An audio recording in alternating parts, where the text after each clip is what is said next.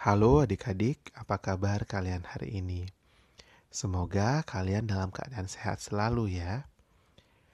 Hari ini berjumpa kembali dengan Kak Cakra di saluran pada suatu hari. Seperti biasanya, Kak Cakra akan membawakan sebuah cerita untuk menemani hari kalian. Nah, Kak Cakra mau tanya dulu, apakah kalian sudah mendengarkan cerita-cerita sebelumnya? Jika sudah, tentunya kalian menyadari cerita-cerita yang Kak Cakra bawakan banyak menceritakan tentang binatang. Cerita tentang binatang ini disebut dengan fabel. Fabel-fabel yang Kak Cakra bawakan merupakan fabel yang Kak Cakra ambil dari kumpulan cerita yang berjudul Nidia Tantri.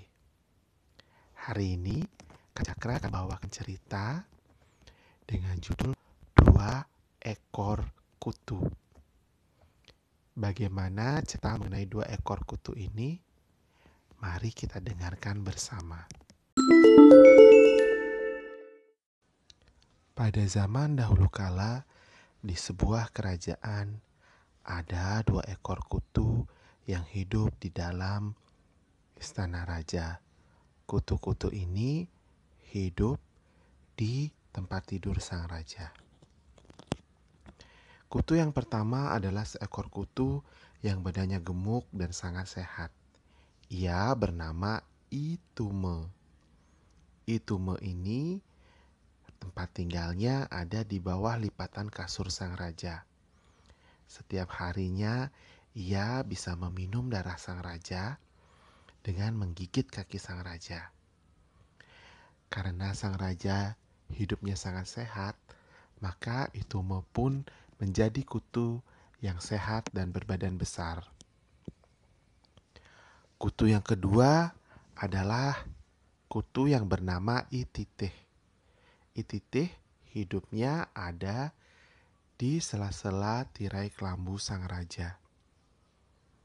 Berbeda sekali dengan Itume, Ititeh ini adalah kebalikannya. Tubuhnya sangat kurus dan ia sakit-sakitan. Mengapa? Karena ia kekurangan makan. Di, sela-sela kelambu tersebut tidak ada makanan yang mencukupi bagi Ititeh. Pada suatu hari, Ititeh menuruni tempatnya di atas kelambu dan berjalan-jalan di sekitar peraduan sang raja dilihatlah seekor kutu yang lebih besar. Itu adalah si Tume. Titih pun keheranan melihat ada kutu yang badannya bisa besar begitu dan terlihat sangat sehat.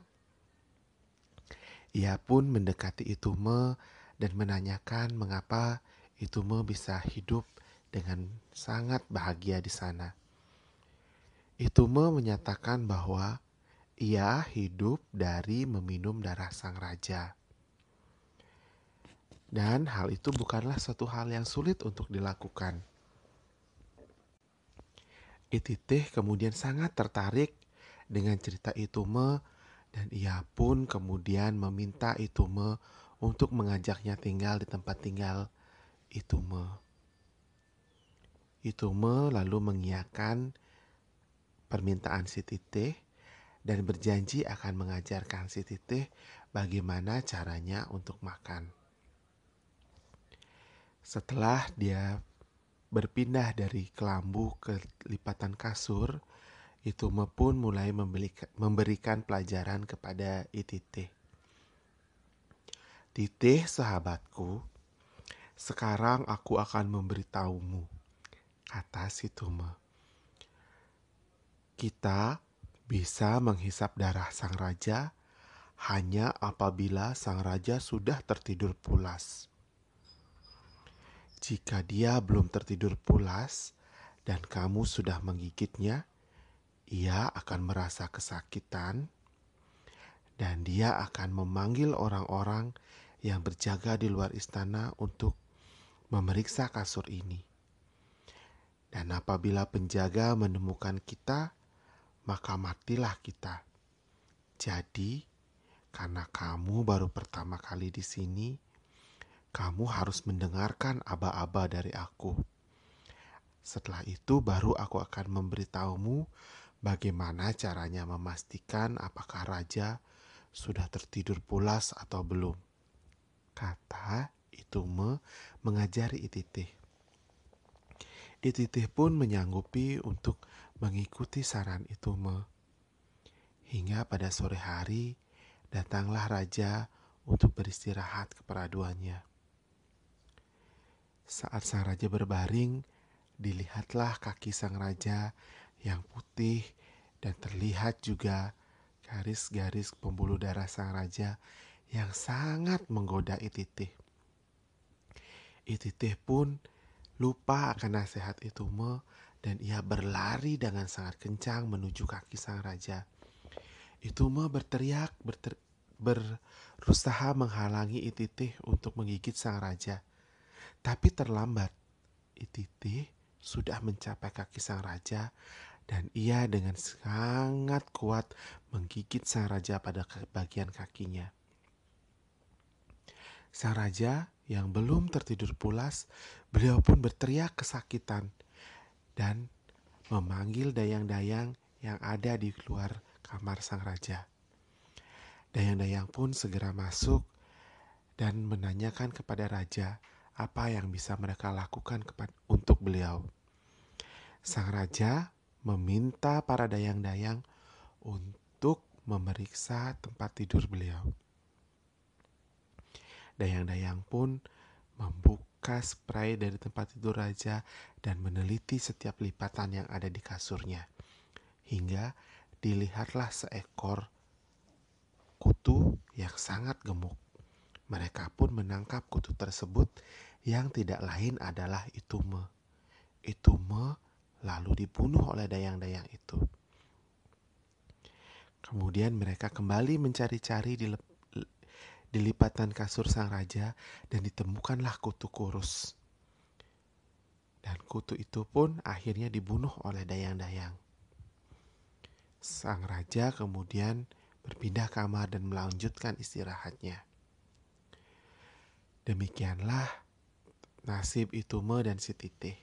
Pada akhirnya Itume yang hanya berniat membantu Ititih yang lapar dan kesakitan menemui ajalnya karena kesalahan Ititih.